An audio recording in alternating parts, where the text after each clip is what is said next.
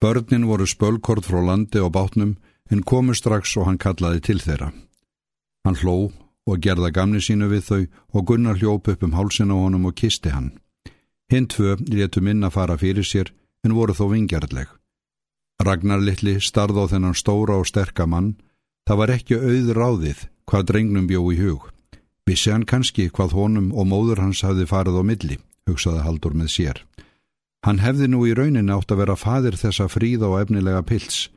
Einkennilegt að sambóð þeirrar salvarar skildi ekki hafa neinar afleiðingar en hún strax eignast þennan myndarlega pilt með danska faktornum. Vist var það lán, en samt var ekki löst við að Haldóri gremdist þetta stundum. Annars var það líka eins konar huggun því að barðlaus hjónabönd blessuðust sjaldan og kannski hefðu þau salfur aldrei eignast aðkvæmi. Haldur tók bissuna og hlóð hana áður en hann nýtti frá landi. Þú starir á mig, sagði hann kankvíslega við Ragnar. Þér líst ekki meir en svo á Karlinn. Jújú, svaraði pilturinn rólega, en ákveðið. Haldur tók allt í unnu eftir því að fas drengsins myndi mjög á fyrirmannlega framgöngu Samuelsens en að öðru leiti líktist hann ekki föður sínum. Kriplingurinn stóð úti við búðargluggan og horði niður í fjöruna. Hann var búin að hlæja sem máttlausan að yfir búðar þjóninum sem nú hafði þvegið af sér mestu tjöruna. Komdu hinga snöggvast, kvíslaði hann. Hinn mjakaði sér nær, þrjóskur og afundin. Sérðu að norlendingurinn er með bissu. Já, heldur að ég sé blindur, ansaði Sigurður og hafði allt á hornum sér. Þeir stóðu þarna þegjandum stund og sáu Haldur róa út á vógin. Það er sagt að hann sé óspar á æðarfuglinn, sagði kriplingurinn, en Sigurður let eins og hann heyrði ekki til hans. Hann ræður austur með, sagði kriplingurinn ennfremur. Já, hvað með það? sagði Sigurður. Þá varð kriplingurinn æfur. Hvað með það, balvaður fítuklumpurinn þinn? Heldur þau kannski að hann ætla að skjóta flugur með bissuhólkinum þeim arna? Hefur þau enga vitglóri í hausnum? Hvaða sekt er við því að skjóta æðarfugl, spurði hinn og var allt í einu mikið niðri fyrir og verður ekki að hafa vittni. Loksins ránkarðu við þér selurinn þinn. Það eru 20 krónur fyrir fyrsta brót skal ég segja þér og maður verður að hafa eitt vittni. Kemur þú með mér? spurði Sigurður mjúkur á mannin. Verið getur það, en þá lætur þú ógjert að kæfta í faktorun um úrfestarnar sem ég greip í gær.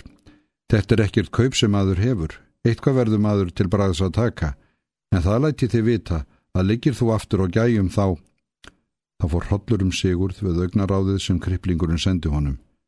Jæja þá, tautaði hann, ég þegi ef þetta hefnast.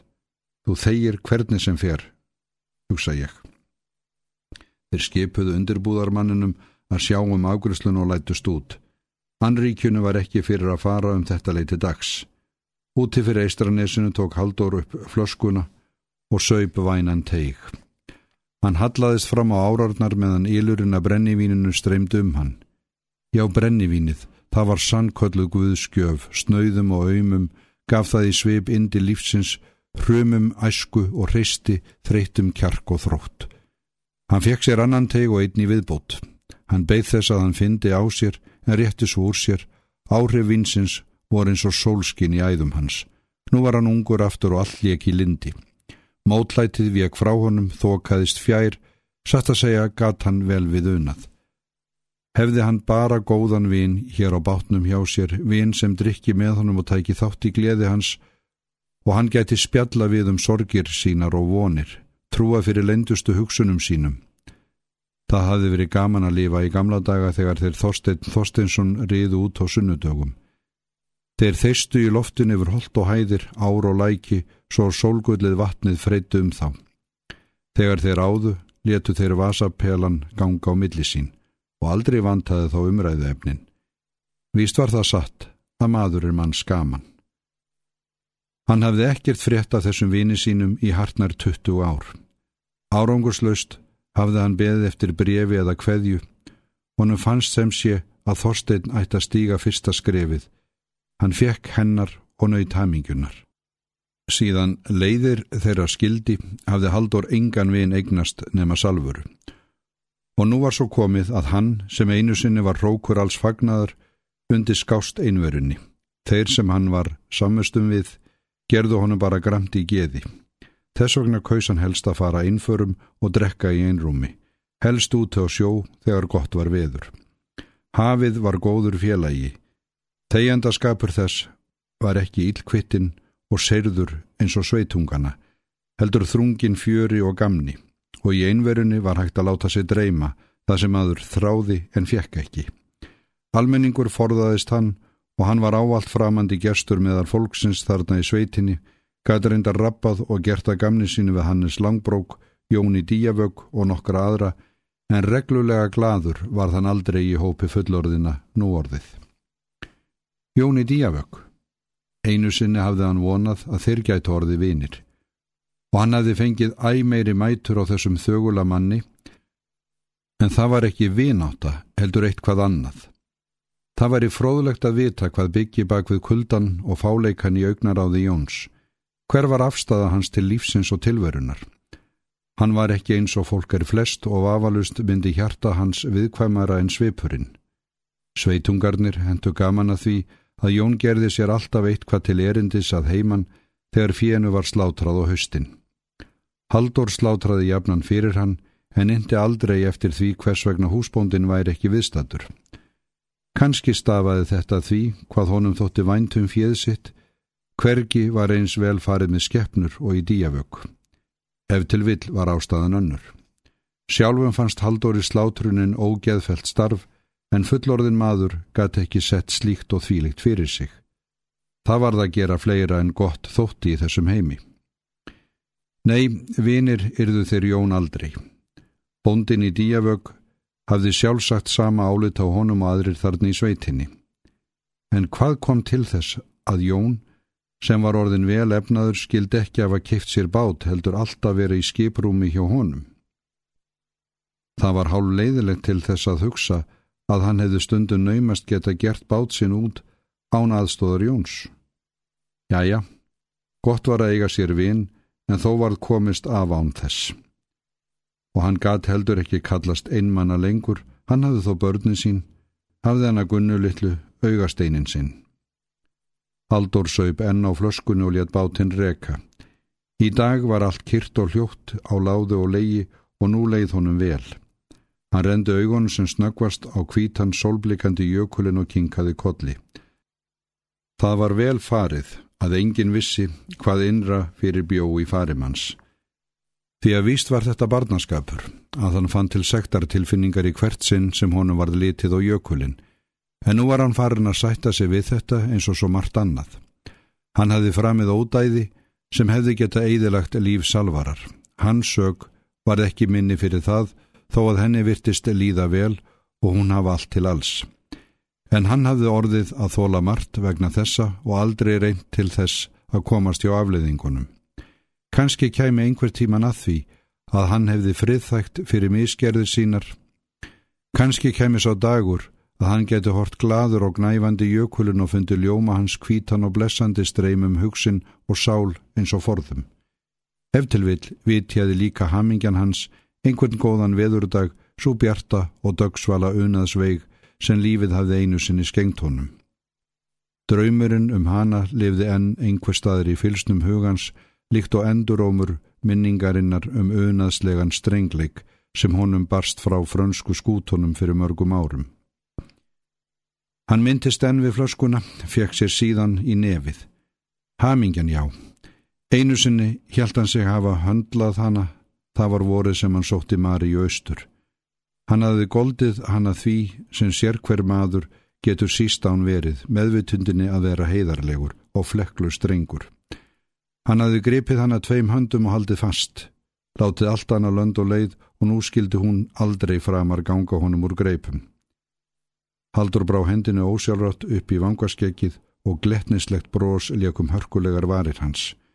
Húnum dætt í hug gissulitli sem greta því að hann gæti ekki haldið sannkornunum í nefa sínum. Það hafði farið nákvæmlega eins fyrir honum sjálfum. Hamingjan gekk honum úr greipum eins og sannkorn strax fyrsta hjúskapar árið og hann stóð upp í snöyðari nokkur sinni fyrr. Enn rann honum kallt vatn millir skins og hörunds ef honum varð hugsað um skjelvinguna sem greip hann þegar honum var þessi staðrind ljós og ömurlegan einmannaleikan sem læsti sig um hann. Hann átti sér engan vin í raun. Salfur var eina manneskjan í vogasveit sem hafði bundi við hann vináttu. Nú leg hatur hennar um hann, hvarvetna var þann þess var, því að þessi gamla ástmægi hans var hátt yfir fjöldan hafin og mátti sín mikils í héræðinu. Þau rendust erfið fyrstu árin svo erfið að það var hverjumanni ofraun og hjá Maríu var litla huggun að finna. Hún eins og kvarf í einhvern þókuheim í hvert sinn sem hann flýða á náður hennar. Millið þeirra var aldrei neitt trúnaður. Hún mælti fátt og Guð mátti vita hvað henni bjó í hug. Í hennar augum var hann sennilega hetja, sá stóri sterkir maður sem engrar hugunar þurfti við.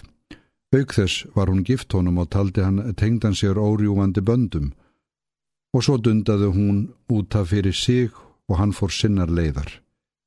Líkamlegu samfarirnar voru það eina sem þau áttu sameinlegt en Haldur var einnig fyrir vonbreiðum af þeim. Hún var barsleg og fögur fyrsta hjúskapar árið en létt brátt á sjá og allót hennar veittu honum ekki þá fró og heilbriðu gleði sem hann hafði notið í faðmið salvarar. Ástmaríu var sneitt öllum unaði, eitthvað sjúklegt við allót hennar og þetta hafði óheillavænleg áhrif á haldur. Það er ímislegt annað að maður að. Fyrstu árin hafði hann verið örvilnaður, hamstóla, skapi næst að segja skili við þetta allt saman.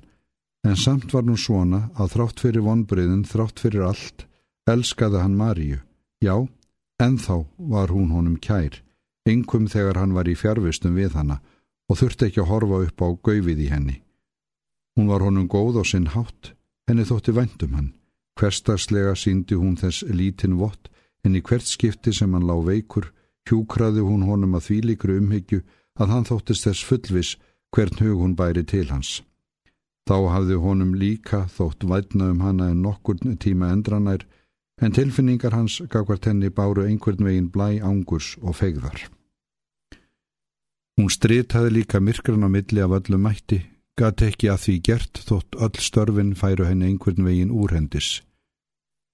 Hún hugsaði sjálfsagt um það eitt að verða honum og börnunum að liði, fyrir hann var hún áræðinlega fúsalegi allt í sölurnar. Annars áttu hún til að vera ótrúlega hörðu og ónargætin við aðra. Hann vissi mæta vel að henni var í nöpið ólöfu í koti og dóttur hennar og vildi ekki að hann rétti þeim hjálparhönd.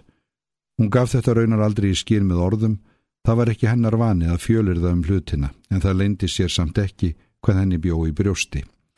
Hún let sér heldur ekkert umhugað um vinnufólkið og oft hafði hann séð hann að fara ítla með skeppnur.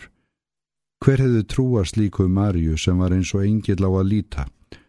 Hún var honum hreinasta ráðgáta. Kuldaglampin í augum hennar sem mynd á dimman vasslut í djúbri gjá. Hvað bóðaði hann?